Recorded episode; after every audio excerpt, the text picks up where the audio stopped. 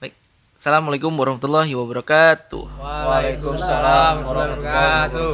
Oke, halo teman-teman semuanya. Selamat datang di podcast Bisa. Jadi sebelumnya eh, di sini mungkin kami ingin memperkenalkan bahwasanya Bisa ini meru- merupakan program kerja daripada BEM FEB tahun 2021.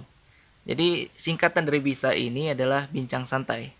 Oke, di sini eh, bersama saya eh, Muklis dan ada teman rekan-rekan saya boleh mungkin memperkenalkan? Iya, di sini saya Ahmad Fandi. Ya, saya Ilham. Oke, silakan. Oke, di sini saya Dodi Akbar. Oke, dan kita di sini didampingi oleh salah satu narasumber ya. Boleh mungkin langsung perkenalkan. Oke, dengan saya Hengko dari BEM KBM Unip. Ya, Universitas Bengkulu, teman-teman. Salam kenal ya. Oke.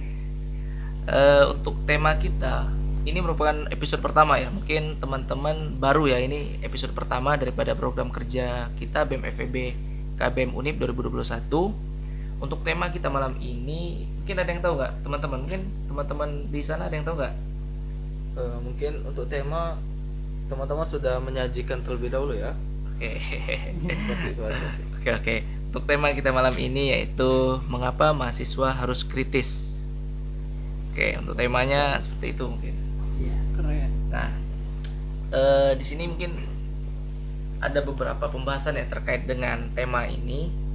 Eh, mungkin kita langsung tanyakan ke narasumber nih. Boleh nih langsung ke narasumber ya. Boleh. Ya, narasumber juga boleh nih ya, tanya-tanya ya. Oke, kepada- boleh boleh boleh. Ya, siap, siap, siap. Kira-kira ya, teman-teman MHB sudah memilih tema eh, kenapa mahasiswa harus kritis. Nah, kira-kira apa nih dari teman-teman sendiri dulu nih, biar kita enak nanti berbincang santai, kita boleh menanggapi satu sama lain. Artinya hari ini bagaimana kita eh, berbagi ya, sharing session lah bahasanya. Oke, gimana tuh? Kira-kira makna teman-teman sendiri gimana tuh?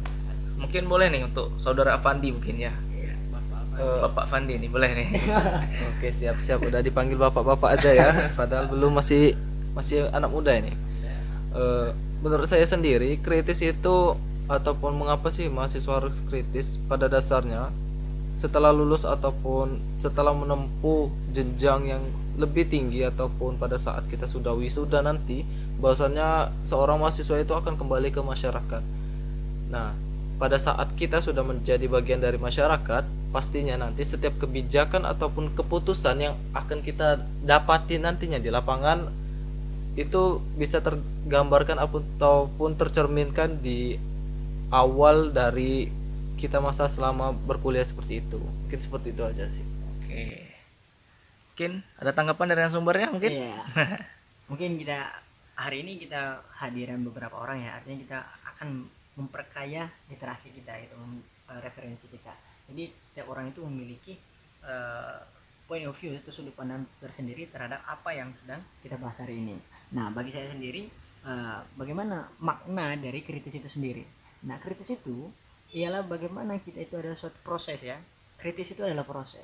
Nah, proses kritis ini di sana ada di dalam kritis ya di sana ada identifikasi kemudian ada evaluasi ada analisis kemudian ada eh, refleksi kemudian baru eh, di dalam hal itu baru menentukan sikap artinya apa kritis itu adalah proses mulai dari dia misalkan ada suatu topik ataupun isu ya nah di mana misalkan kita dituntut untuk kritis ya sebagai seorang mahasiswa nah hmm, ketika ada opini, isu dan sebagainya ketika muncul ke permukaan, kita harus mengkritisi itu. Nah, bagaimana eh, makna dari kritis itu? Ya itu tadi identifikasi, kemudian kita lakukan evaluasi dari eh, apa yang ada, lakukan analisis, kemudian refleksikan atas analisis yang sudah evaluasi dan analisis kita buat, baru kita harus menentukan sebuah sikap. Itu sebenarnya pemaknaan dari kritis itu sendiri. Nah, mungkin itu Oke. ya untuk awal-awal kita ya. untuk pembukaan mungkin ya untuk memantik eh, diskusi kita lah bahasanya ya gitu oke terkait dengan kritis tentu kan kita di sini sebagai mahasiswa itu dituntut ya untuk berpikir kritis karena itu tadi ketika kita tamat nantinya itu eh, jiwa kritis itu diperlukan sangat diperlukan gitu ya kak Iya. oke jadi eh, mungkin yang melatar belakangi mahasiswa itu harus kritis tuh gimana tuh? Mungkin. Iya. Ke teman-teman bisa ya nanti tanggapin dan sebagainya. Eh, ketika kita berbicara tentang latar belakang kita akan sedikit mengundur atau menarik ya men, eh, tampak kilas ke belakang gitu ya. Kenapa sebenarnya kita mahasiswa ini yang melatar belakang kita harus kritis gitu? Nah teman-teman ketika labeling atau identitas mahasiswa sudah melekat dalam diri kita ini maka ada tiga aspek ya ini mungkin bisa teman-teman tambahkan jikalau nanti kurang ya. Iya. Pertama itu aspek akademis. Nah kita itu seorang mahasiswa di dalam aspek akademis ini ya kita dituntut untuk belajar. Ya itu poin pertama kita. Bagaimana kita di di aspek akademis ini kita dituntut satunya itu untuk belajar. Nah jadi kalaupun ada proses pembelajaran yang lain itu adalah derivat dari proses belajar itu turunan dari proses belajar itu sendiri. Nah jadi eh, itu yang eh, aspek pertama ya yang melatar belakangnya kenapa kita harus kritis sebenarnya. Kemudian kita ini ketika mahasiswa itu sudah melekat di identitas di diri kita ada aspek lainnya itu aspek eh, sosial politik. Nah jadi teman-teman di sosial politik ini di mana kita itu harus mengerti kondisi dan keadaan masyarakat sosial politiknya. Nah kadang ya kita harus sadari bahwasanya mahasiswa itu bagian dari rakyat. Nah tanpa disadarin kita pun sebagai rakyat itu sendiri gitu nah. Jadi kita dituntut bagaimana kritis dan mengerti keadaan dan kondisi masyarakat hari ini. Nah itulah yang melatari belakang kenapa kita harus kritis. Nah ketika suatu kebijakan misalnya eh, sosial politik ya berkaitan dengan eh, keadaan masyarakat kalau kita tidak kritisi seperti apa masa depan bangsa ini misalnya. Ya jadi kita harus melihat dari berbagai aspek nah tadi ada aspek ini ya eh, aspek akademis, Akademis. eh, Sosial, sosial politik. politik, nah, dan ada aspek lain yaitu eh, aspek intelektual. Jadi kita ini sebagai kaum kaum yang intelektual dituntut bagaimana kita ini harus berpikir kritis, harus melihat eh, kita ini sebagai gimana ya mahasiswa ini dianggap adalah cikal bakal penerus bangsa. Nah di sini kita diharapkan pemikir-pemikir itu muncul dari mahasiswa, karena mahasiswa dan eh, pemuda ini kadang tidak hal, dua hal yang tidak bisa dipisahkan. Nah, tapi eh, bukan berarti dia pemuda itu belum tentu mahasiswa. Tapi kalau mahasiswa udah pasti pemuda gitu kan. Nah, jadi kita bagaimana eh, aspek intelektual kita harus biasa. Nah salah satunya itu caranya itu harus menumbuh sikap kritis kita. Mungkin itu yang untuk awal-awal kita untuk diskusi lebih lanjut Oke, mungkin ada tanggapan nih dari saudara Fandi mungkin? Boleh nih. baik baik baik Eh, penyampaian dari narasumber pada malam hari ini ataupun pada saat ini sangat bagus ya Eh, mungkin akan tetapi dari penjelasan yang tersebut dari rangkaian yang terlalu panjang ataupun berbelit seperti itu mungkin itu salah satu penyebab ataupun faktor eh, bagaimana tindak lanjut ataupun kenapa sih mahasiswa itu kurang dalam dalam hal ini kurang kritis seperti itu sebenarnya eh, di dalam kehidupan ataupun secara langsung di kegiatan sehari-hari kita ataupun se- seorang individu itu sebenarnya sudah mempunyai sifat kritis masing-masing. Akan tetapi kepekaan ataupun terhadap pandangan dan eh, keadaan lingkungan sekitar berbeda-berbeda di setiap individunya seperti itu. Dalam hal contohnya misalnya kayak ada kenaikan harga ataupun eh, langkanya barang maka suatu individu tersebut mungkin bisa dikatakan melakukan kritis tersebut seperti itu sih silakan lagi Oke, eh, udah banyak pandangan ya terkait dengan mungkin dari narasumber dan juga dari eh, Fandi sendiri. Mungkin dari Ilham. belum dulu Oke, oke, oke. Oke, masih pas dulu mungkin ya. masih menyimak Oke, terkait dengan mahasiswa kritis nih. Eh, akhir-akhir ini kan mungkin banyak nih eh, terkait dengan kritis ini mahasiswa ini banyak yang dikatakan eh, kurang lah apa namanya tingkat kritisnya gitu. Jadi mungkin kalau misalkan kurang kritis itu kira-kira apa yang menjadi faktor penyebab utamanya mungkin? Iya.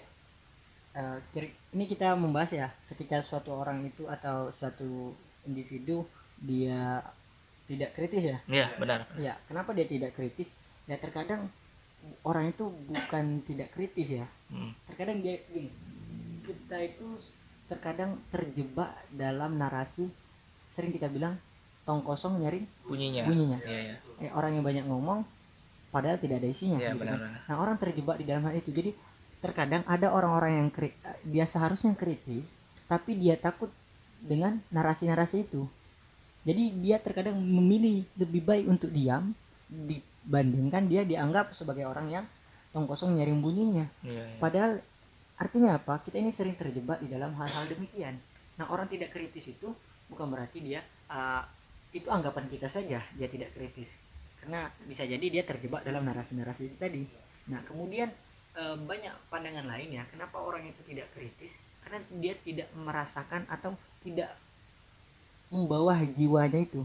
Dalam hal ini mahasiswa ya. Nah, misalnya uh, kenapa sih mahasiswa tidak kritis hari ini? Dia merasakan bahwasanya tugas mahasiswa itu hanya akademik hanya belajar saja tadi.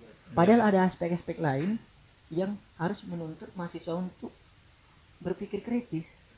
Iya kalau hari ini ya teman-teman bisa bayangkan ketika berpikir kritis itu tidak ada. Betapa jenuhnya misalnya suatu kebijakan pemerintah tanpa kritik dan uh, ya saran masukan dari mahasiswa kemudian masyarakat dan lainnya. Coba bilang uh, coba kita rasakan ya. Artinya sangat monoton di dalam kehidupan berbangsa dan bernegara ini kalau tanpa kritis ya. Masyarakat tidak memiliki tolak ukur yang idealis dan yang seharusnya seperti apa gitu. Jadi mahasiswa itu bagaimana dia dituntut sebagai uh, mitra kritis daripada pemerintah.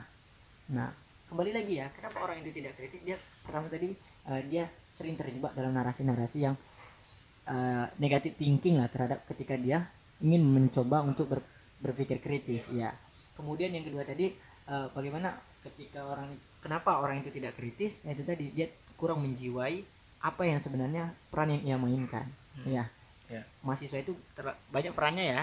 Tidak hanya sebagai ag- agent of change atau yang sering kita dengar agent of change iron stock kemudian uh, sebagai kaum kaum intelektual dan lainnya. Nah, artinya dia tidak memahami hal itu. Itu ya sebenarnya menjadi kenapa orang itu tidak kritis. Dan yang terakhir mungkin orang yang tidak kritis itu dia tidak merasakan dampaknya gitu pada suatu kebijakan atau isu opini dan sebagainya. Misalnya gini eh, ada isu misalnya kenaikan BBM misalnya di provinsi Bengkulu hari ini. Nah dia tidak kritis karena dia merasakan dia tidak pernah merasakan dampak dari kenaikan itu misalnya. Karena dia eh, bisa katakanlah dia memiliki kondisi ekonomi yang menengah ke atas akhirnya apa? Dia enggan untuk mengkritisi itu gitu. Tapi untuk orang-orang yang menengah, apa ekonomi kelas menengah ke bawah dia walaupun dia tidak kritis dia merasakan dampak itu. Nah artinya apa? Orang yang tidak kritis itu terkadang dia merasakan tidak ada dampak terhadap apa yang sedang dibahas dan sebagainya. Nah dia merasakan eh, tapi nanti Pandi tadi sudah mengatakan bahwasanya setelah sebenarnya kalau kita sadari semua kebijakan semua apa pun yang sedang dibahas di eh, dalam keadaan eh, da- dalam aktivitas berbangsa dan bernegara ini memiliki dampak untuk ke depannya. Nah itu yang eh, mungkin eh, bisa kita diskusikan lebih lanjut. Eh, ya setuju juga dengan narasumber pada malam hari ini. Kemudian juga sedikit menambahkan mungkin banyak orang yang seperti berpendapat ataupun mengambil kesimpulan bahwasanya diam itu adalah sebuah emas. Ataupun pada saat kita tidak berbicara tidak berani mengungkapkan eh, tidak berani untuk mengekspresikan kebijakan ataupun hal-hal yang kita kritisi perlu mungkin dipahami lagi dari setiap individu ataupun mahasiswa tersebut. Seperti itu mungkin. Oke, eh, ini sudah banyak ya pandangan daripada teman-teman sekalian dari Kak Hengko, dari eh, Fandi mungkin terkait dengan eh, kritis itu sendiri. Oke, di sini saya tertarik nih dengan kebijakan pemerintah. Mungkin terkait dengan kritis nih. Kira-kira seberapa penting kebijakan pemerintah ini harus dikritisi seperti itu mungkin? iya Eh, Pandi mau jawab itu gimana siapa yang Eh, boleh sih, terus terserah sih. kita yang lebih pasti terlebih Oke, dahulu mungkin ke narasumber dulu ya. ya jadi eh, sang menarik pertanyaannya dari eh, moderator ya atau pemandu diskusi kita hari ini Eh, kenapa kebijakan pemerintah itu harus dikritisi? Ya benar. Iya. Hari ini kita harus duduk dulu ya cara berpikir kita. Kebijakan pemerintah itu kan skalanya ketika pemerintah melakukan suatu kebijakan dia hanya tidak merujuk pada satu subjek ataupun satu kelompok dan sebagainya. Nah apalagi eh, kebijakan pemerintah di tingkat pusat maka suatu kebijakan itu akan berdampak luas bagi halayak umum atau kemaslahatan rakyat ini nah kenapa kita harus kritisi nah yang dikhawatirkan ketika kebijakan itu tidak memiliki keberpihakan terhadap rakyat ya jadi kalau kebijakan ini kita biarkan bisa saja merugikan rakyatnya sendiri Iya, iya. Iya. Ataupun Iya. memberikan dampak yang sangat luas. Iya, memberikan dampak yang sangat luas, memiliki implikasi yang eh, kompleks di dalam atau di tengah masyarakat. Nah, kalau hari ini tidak kita kritisi, misalnya kita kritisi pun belum tentu didengar gitu. Iya, Iya, itu benar, yang sekarang ini menjadi poin terpenting sebenarnya Iya. sebagai seorang mahasiswa juga. Iya, contoh nih, kita lihat akhir-akhir kemarin banyak sekali penolakan terhadap Undang-Undang Cipta Kerja atau eh, omnibus ya, Ya.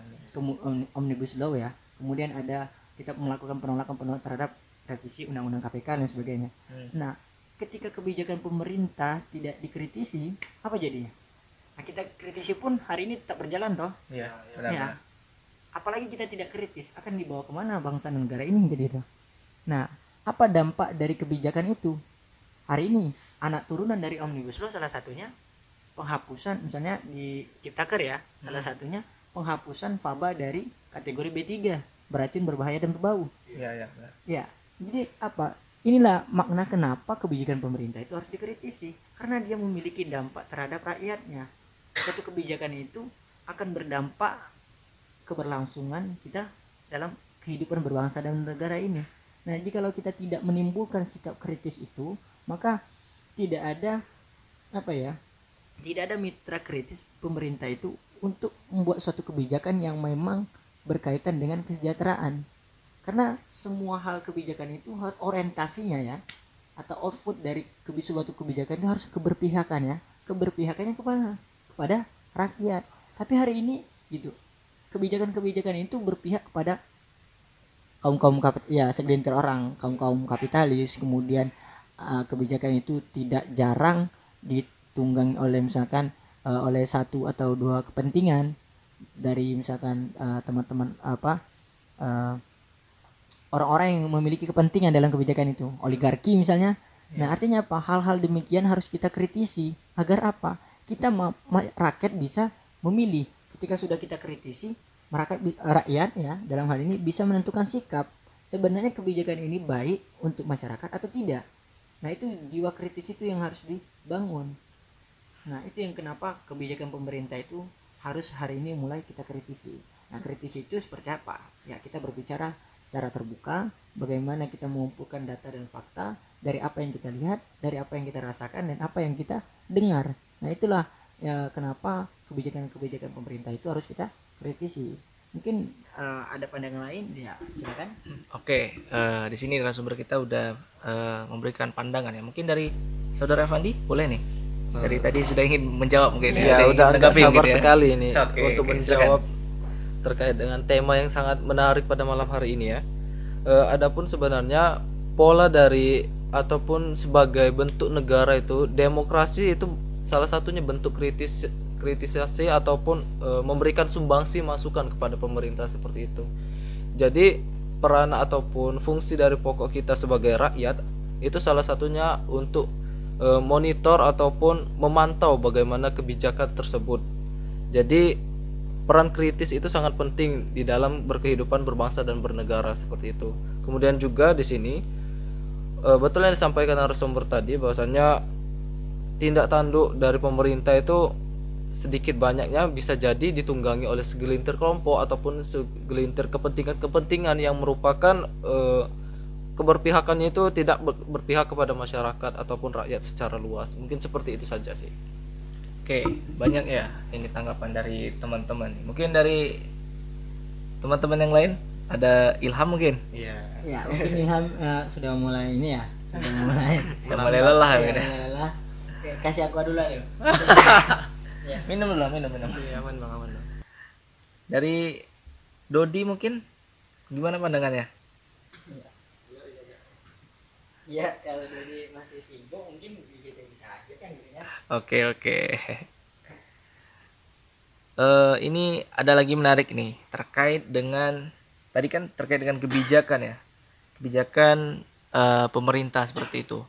Tentu eh, tak lepas kalau misalkan kebijakan pemerintah ini ada juga janji-janji kampanye ini kak, janji kampanye. Mungkin kalau misalkan kita sebagai mahasiswa untuk mengingatkan janji-janji kampanye para pemimpin-pemimpin kita ini gimana nih? apakah sesuai nggak kalau seperti itu Ya, eh, pertanyaannya bagaimana cara kita mengingatkan janji atau janji kampanye dari eh, misalkan pemimpin kita ya? ya Ya, untuk bisa untuk kita sendiri ya, eh, misalnya janji kampanye karena kita di provinsi Bengkulu ya, hmm. terutama di kota Bengkulu, artinya janji-janji kampanye wali kota dan gubernurnya eh, harus kita perhatikan gitu. Iya. Ya, jadi bagaimana cara mengingatkan janji politiknya itu? Sebenarnya janji politik ini kadang eh, apa ya? Kayak rakyat ini terkadang dibuat apa ya? Dikasih harapan, Iya, ya. benar-benar. Dikasih harapan, kemudian harapan itu digantung gitu. Terkadang janji-janji politik pun terkadang realisasinya itu sebatas formalitas dia, bagaimana dia menjaga ini integritas dia ketika dia mengucapkan hal itu Iya. kadang janji politik itu diselesaikan atau ditunaikan tidak sepenuh hati gitu Hmm. nah kemudian kadang pun janji politik hanya tinggal janji tinggallah janji gitu iya. nah misalnya banyak sekali janji-janji politik eh, sebenarnya kita rakyat juga harus mampu menilai janji politik ini realistis atau tidak gitu kan mau direalis eh, untuk direalisasikan nah bagaimana cara kita mengingatkan cara mengingatkan yang paling baik itu adalah bagaimana merefleksikan setiap kata dan tindakannya. Kebijakan-kebijakan yang dibuat itu sesuai nggak dengan janji politiknya gitu? Jangan sampai nanti janji politiknya apa yang direalisasikan apa gitu. Misalkan dia eh, janji politiknya menolak impor nih ya mungkin ada yang tersinggung ya. Ya misalkan menolak impor ya di dalam di dalam misalkan dia menolak ya di dalam kampanye misalnya menolak impor. Kita harus swasembada pangan misalnya. Tapi hari ini impor juga gitu kan. Nah misalkan di dalam janji politiknya misalkan akan apa rindu di demo dan lain sebagainya tapi ketika di demo masih banyak mahasiswa yang dikriminalisasi Iya, iya. tindak-tindak represi dan lain sebagainya. Artinya apa? Bagaimana kita mengingatkan janji politik itu yaitu tadi dengan eh, mengingatkan dan mengkritisi kebijakan yang mereka buat sesuai atau tidak. Kemudian mampu kita caranya itu eh, selain itu kita mampu berdialektika dengan apa yang sedang ditampilkan oleh para pengambil kebijakan itu sendiri nah kemudian ya kita harus selalu mengingatkan kepada publik entah itu melalui media sosial misalnya ataupun kita mampu mengingatkan dengan diskusi-diskusi terkait apa pun itu berkaitan dengan eh, kebijakan yang bakal dibuat oleh eh, pemerintah dalam hal ini pengambil kebijakan dalam eh, janji kampanye itu tadi. Nah itu eh, bisa upaya-upaya itu yang kita lakukan supaya eh, bagaimana kita mengingatkan eh, janji politiknya sebagai integritas yang mereka miliki untuk ke depan. Mungkin itu Muklis. Oke, itu tadi eh, pandangan ya dari narasumber kita pada hari ini. Mungkin dari teman-teman yang lain?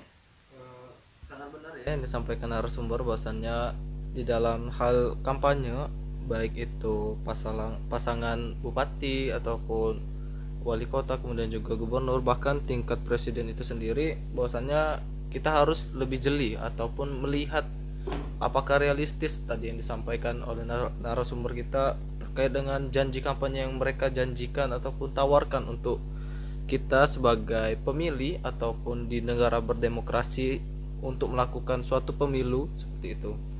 Kemudian juga mungkin saya kaitkan terkait dengan suatu istilah yaitu lebih besar pasak daripada tiang bahwasannya eh, kita itu harus memperkirakan apakah program kerja ataupun eh, janji kampanye mereka tersebut bisa terlaksana kemudian juga baik dalam hal segi manfaat ataupun lainnya seperti itu. Kemudian juga tonggak awal dari kepemimpinan pasti halnya dilakukan ataupun berawal dari pemilihan yang kemudian juga memberikan kampanye ataupun janji-janji politik seperti itu. Jadi awal dari kritis bukan hanya dari suatu kebijakan akan tetapi kita mulai kritis itu dari mulai mereka itu menjadi eh, calon pemimpin untuk masa kampanye ataupun masa jabatannya di kemudian hari seperti itu. Mungkin eh, moderator bisa melanjutkan lagi. Oke, eh, menarik ya terkait dengan tanggapan daripada teman-teman sekalian. Bahwasanya itu tadi kritis itu tadi, apalagi yang terkait dengan janji-janji itu memang perlu ya kita eh, ingatkan pemimpin-pemimpin kita ini ya kadang mereka ini lupa-lupa gitu kan iya Iya, benar-benar betul. lupa kadang atau pura-pura lupa Pura-pura gitu lupa ya. mungkin ya. tapi itu beda tipis ya kayaknya Iya, dua kemungkinan yang bisa jadi bisa bisa saja terjadi gitu ya Iya iya. Oke, Eh di sini mungkin saya ingin mengalihkan ke sosial dari segi sosial nih mungkin. Bagaimana eh, kita menghilangkan ataupun ke- sifat ketidakpekaan seperti itu. Intinya menghilangkan sifat ketidakpekaan sejumlah mahasiswa ini terhadap perubahan dampak sosial. Padahal kan eh, nantinya kita setelah tamat itu kan akan terjun ke dunia sosial. Tetapi kita sendiri sebagai mahasiswa yang akan nantinya terjun ke dunia sosial itu pek- tidak peka seperti itu kak. Kayak apa ya? Acuh lah seperti itu. Gimana tuh tanggapannya? oh bisa di apatis ya bahasanya Ya, mirip oh lah. kenapa seorang itu acuh dengan keadaan sosialnya ya Ya. keadaan sosial masyarakatnya bener Gitu? Iya, tadi iya. bener oke oke jadi kenapa orang itu acuh Eh, kenapa orang itu apatis lah tadi ya Hmm. karena sikap empati ataupun simpati dia terhadap keadaan sekitarnya itu kurang. Ya seharusnya apalagi ini teman-teman mahasiswa gitu dia kadang di kampus dianggap sebagai orang-orang intelektual orang-orang yang eh, berpikir cerdas dan sebagainya tapi terkadang di lingkungan dia sendiri dia enggan bersosialisasi gitu kan. Iya. No no lab ya jadi dia enggan bersosialisasi dan seakan-akan ya kehidupan itu di luar saja gitu kan. Di luar lingkungan dia bermain. Padahal ya lingkungan sekitar pun dia harus perhatikan. Nah sikap apatis itu harus dibunuh. Nah, gitu. Bagaimana kita cara membunuh sikap apatis itu gitu? Nah dengan kepekaan kita. Dengan kepekaan dengan literasi yang kita miliki dengan jiwa sosial yang harus dibangun setiap kali dalam bertindak. Nah maka eh, sikap sosial dan tidak anti dengan apa ya dengan keadaan masyarakat itu tidak apatis ya harus ditumbuhkan gitu kan. Bagaimana kita itu harus eh, melihat kondisi sosial masyarakat. Nah jadi nggak boleh tuh apatis acuh karena intinya kan kalau teorinya itu siapa yang zon politikon? Ya, ya. Ya itu artinya manusia ini diciptakan eh, bersama-sama ya tidak bisa hidup sendiri jadi maka sikap itu yang mesti terpatri di dalam hati kita supaya tidak eh, jiwa apatis itu kian hari kian mengecil bukan malah membesar ya Iya. Oke. Itu dari narasumber ya. Mungkin ada nih dari teman-teman yang lain, dari saudara Ilham nih mungkin. Boleh nih. Ya boleh kak. Jadi tadi kan ada kayak membahas eh, salah satu penyebabnya tuh karena sifat dari orang itu yang introvert ya gitu kan, kita Iya. bisa seperti itu. Tapi apakah dari pernyataan tersebut sama dengan kayak introvert itu nggak punya empati? Karena kalau menurut saya banyak kayak saya lihat di waktu jokes yang eh waktu eh, demo yang tahun 2019 itu yang Ya, yang waktu itu rame-rame tuh itu ya. kan banyak kayak di Instagram tuh saya wibu tapi saya turun demo kayak gitu nah kan kayak gitu jokes jokesnya itu kan kayak jadi kayak saya lihat yang saya lihat bukan karena dia introvertnya tapi karena cuman nggak ada penggeraknya aja kayak gitu kak gimana bisa ditanggapin nggak tuh Oke menarik ini. Jadi seorang uh, orang yang introvert itu belum tentu dia apatis gitu ya. Iya. Banyak sekali sebenarnya cara kita untuk berpartisipasi bagaimana kita tetap memikirkan keadaan sosial masyarakat tadi ya. Tentu tadi Ilham bilang oh ternyata ada jok-jokes kemarin uh, terkait uh, yang demo besar-besar itu ya. Ternyata wibu-wibu pun turun ke jalan. Artinya mereka selama ini yang hanya menonton Biasanya, iya, di dalam kamar kan. dan sebagainya ternyata ini dipaksa untuk keluar gitu kan saking Indonesia tuh tidak baik-baik saja kalau Iya. bahasa sedang berduka Jadi ya, ya memang kita nggak bisa juga menjudge eh, ketika orang itu eh, apa introvert kita anggap apatis. Tentu ya banyak sekali langkah-langkah yang bisa dilakukan. Misalnya orang yang bisa jadi introvert itu kan dia enggan ber, eh, maksudnya bukan enggan ber eh, berempati, tapi dia apa kayak tidak terbiasa dengan suasana yang ramai dan lain sebagainya kan. Jadi dia meli- melihat kondisi yang nyaman dia seperti apa gitu kan. Nah maka sebenarnya bisa sikap empati itu dia tumbuhkan. Misalnya kalau dia nggak bisa turun ke jalan rame-rame dia bisa melalui tulisan misalnya.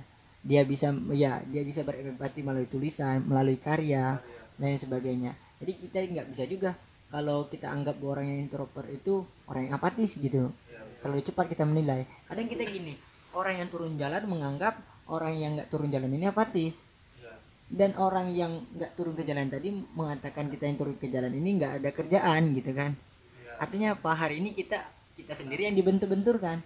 Padahal yang seharusnya terjadi itu bagaimana kita menghargai satu sama lainnya. Yang di jalan silakan memperjuangkan itu begitu. Dan yang di rumah ataupun yang teman-teman wibu dan lain sebagainya tadi berkaryalah gitu kan. Berkarya analisis melalui tulisan maka itu menjadi peluru-peluru kita untuk di jalan. Bukannya saling mengkerdilkan atau mengecilkan satu sama lainnya. Berarti itu artinya tuh ada caranya masing-masing iya dalam kita kita mengambil peran gitu dalam bang ya? mengambil peran di dalam sosial masyarakat, Sosial masyarakat. Gitu. sangat eh, menarik apa yang ditanyakan oleh Ilham. Eh, mungkin juga keti- ketidakpekaan berawal dari tidak adanya perasaan seperti itu mungkin kalau mau kita bawa sedikit seperti itu ya kemudian juga apakah harus kita itu harus merasakan terlebih dahulu setiap kebijakan ataupun kepentingan dari pemerintah itu berdampak secara langsung ataupun tidak kemudian juga betul yang disampaikan bahwasannya narasumber pada malam hari ini eh, kita itu sebenarnya makhluk sosial yang secara langsung ataupun tidak langsung kita harus membutuhkan orang lain di dalam kehidupan sehari-hari kita seperti itu. Contoh halnya tadi sudah disampaikan. Eh, mungkin iya Oke, eh, itu tadi terkait dengan ini ya eh, orang yang introvert. Seperti halnya mungkin wibu, wibu mungkin termasuk introvert juga ya mungkin. Enggak juga mungkin ya. ampun ibu ampun ampun. bisa bisa di followers kalian di unfollow semua kalau sebenarnya kita saya wibu juga oh jadi naik lagi followersnya kan Iya. ngobrol-ngobrol aja gitu kan ya tadi eh, Ilham bilang bahwasanya eh, ini tadi ya apa yang terkait kenapa orang itu biasanya eh, kritis ataupun melihat ketika ada langsung dampaknya ya terhadap suatu kebijakan. Ya ini yang menjadi dilematis juga ya bagi kita. Orang ini nggak mau bergerak orang ini nggak mau kritis ketika dia menganggap ini nggak ada dampaknya secara langsung dengan saya gitu nah. Ya kan? Nah contoh nih penghilangan faba dari kategori B3 misalnya. Dia nggak ini mau apa langsung turun ke jalan misalnya nggak mau kritis terhadap hal itu karena mereka mereka merasakan oh kita jauh loh dari PLTU gitu kan. Iya. Kita juga nggak terlalu langsung menghirup Udara udaranya tadi. dan kita juga nggak langsung berdampak. Padahal secara tidak disa- eh, sadar tidak sadar ya 20 atau 30 tahun ke depan tidak menuntut kemungkinan kita tidak bakal lagi memakan ikan yang sehat gitu kan. Tidak menuntut kemungkinan kita akan menghirup udara yang segar tidak menuntut kemungkinan akan tumbuh bibit-bibit penyakit kulit akan tumbuh penyakit-penyakit dalam yang eh, penyakit-penyakit pernapasan yang secara tidak langsung itu akan berdampak kepada kita. Nah terkadang kita ini berpikirnya eh, kita mau bergerak ketika kita ini memang kebijakan itu langsung dilangsungkan secara langsung dampaknya gitu ya. Padahal tidak demikian. Sebenarnya makanya critical thinking atau berpikir kritis itu dibutuhkan. Bagaimana kita bisa eh, banyak bertanya tentang suatu kebijakan. Itu intinya. Sebenarnya critical thinking itu ya tadi kita ini aja ya. Bahas kilas Iya, aja ya. ya berkaitan dengan kritis dari tadi ya. Jadi critical thinking atau berpikir kritis itu kita harus menanya harus menimbulkan banyak pertanyaan. Ya. Misalkan kebijakan ini diturunkan. Kenapa ini kebijakan diturunkan? Apa positif dan negatifnya ini? Baik nggak untuk masyarakat gitu kan? Ketika dia baik apa baiknya gitu kan? Ketika dia buruk apa buruknya nah ketika itu sudah ditemukan kita mampu menentukan sikap banyak baiknya atau banyak buruknya gitu nah. Nah itu ya yang mesti kita uh, garis bawahi. Nah, memang terkadang kita ini masih banyak ini terjebak ya. Saya nggak merasakan dampaknya gitu kan. Ya padahal secara tidak langsung kita akan berdampak ke masa yang akan datang. Ya mungkin itu. Ada lagi misalnya kita uh, yang mesti diobrolkan ya. Silakan. Oke. Mungkin dari teman-teman masih ada untuk boleh silakan silakan. ya ini mau nanya juga nih bang.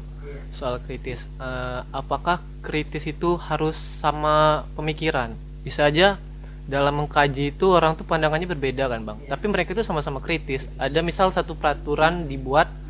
Nah tapi kan ada plusnya ada minusnya dalam peraturan itu kan bang? Ada yang setuju ada juga yang tidak. Tapi mereka itu kan sama-sama kritis di dalam situ. Sama-sama berpikir. Ada yang tapi ada yang satu berpandangan baik ada satu yang berpandangan peraturan itu buruk gitu gimana tuh bang Oke, Eh, sebenarnya gini, eh, tadi ya, apakah kritis itu harus satu frame ya? Iya. Ya, satu sudut pandang ya. Pandang. Tidak, kritis itu bagaimana ia cara berpikir ya, cara berpikir seseorang itu terbuka, ya, dia punya open minded lah bahasanya, ya pemikiran yang terbuka, dia memiliki eh, duduk kejelasan dari berpikirnya itu berdasarkan apa? Fakta dan data.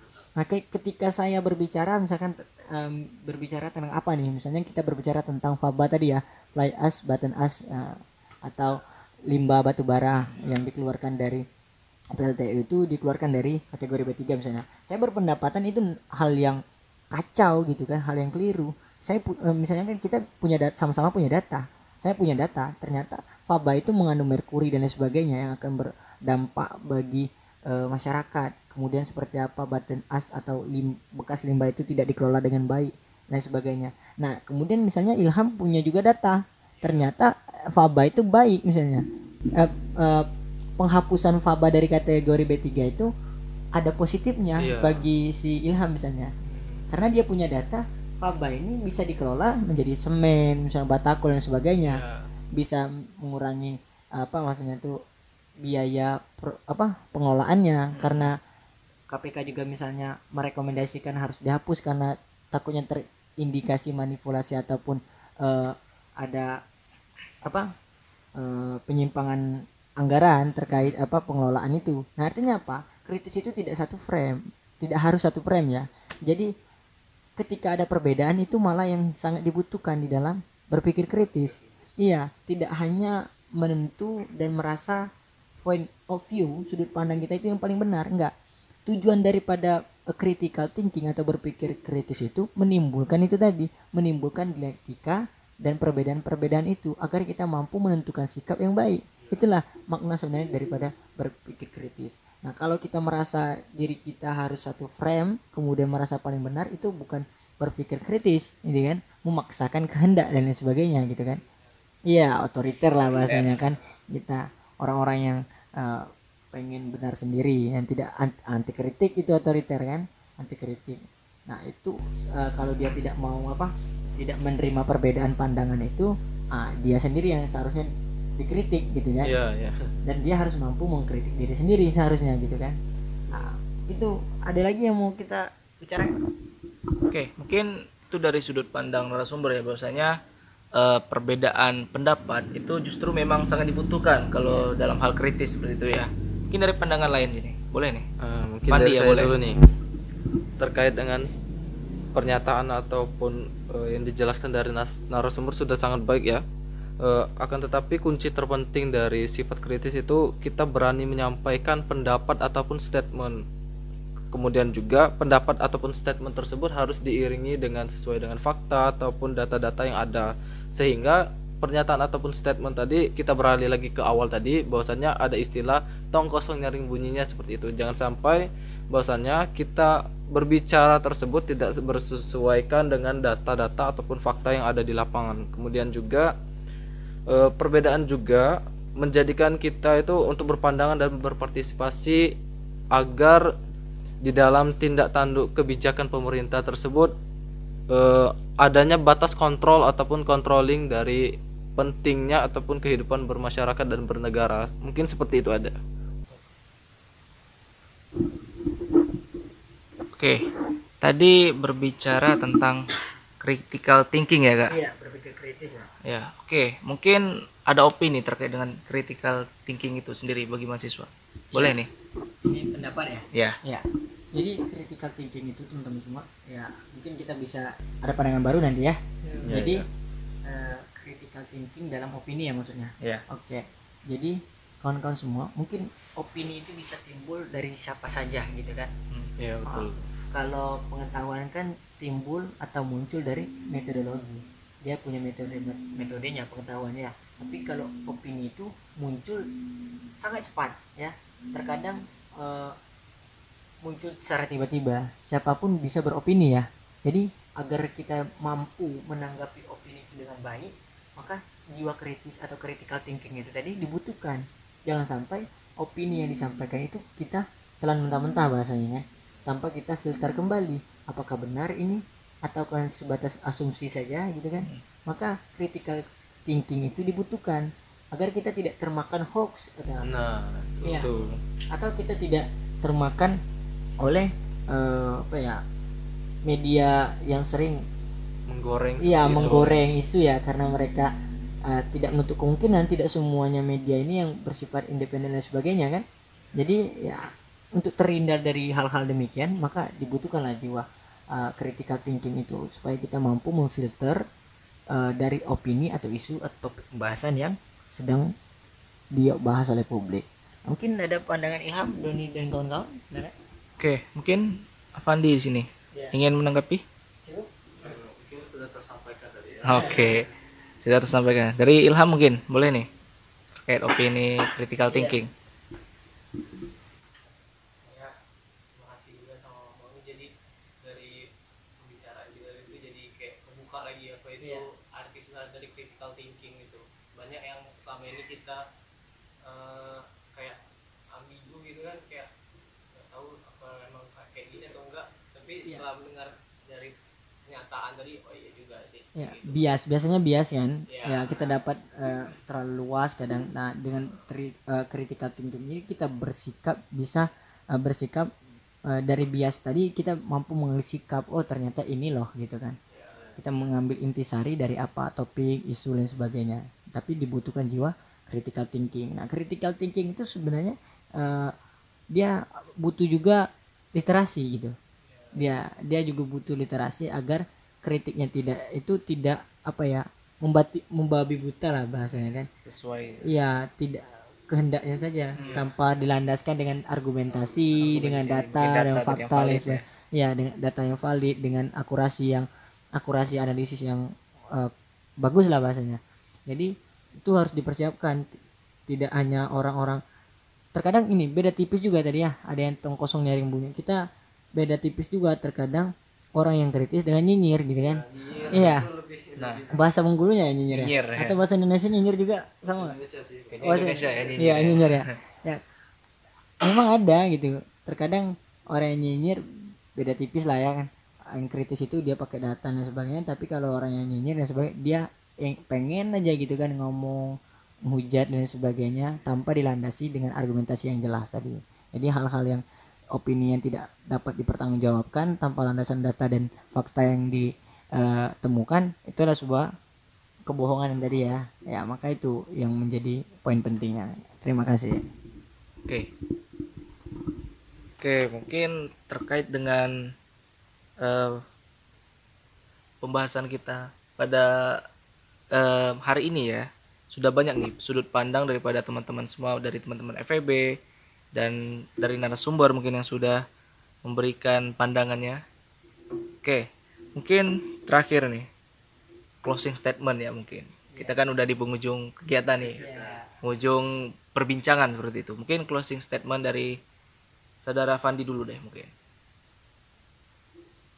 kritis itu penting akan tetapi lebih diperhatikan lagi penyampaian statement itu harus berdasarkan fakta dan literasi yang ada jadi seperti halnya saya mengulangi lagi jangan sampai pernyataan ataupun kritis kita itu bersifat nyinyir ataupun tong kosong nyaring bunyinya yang hanya kita itu eh, berani untuk mengungkapkan tetapi tidak berani untuk menyampaikan data yang sebenarnya mungkin itu aja sih Oke, itu pandangan closing statement dari Fandi ya. Mungkin dari Ilham boleh nih. Ya Sepatah dua patah lah ya.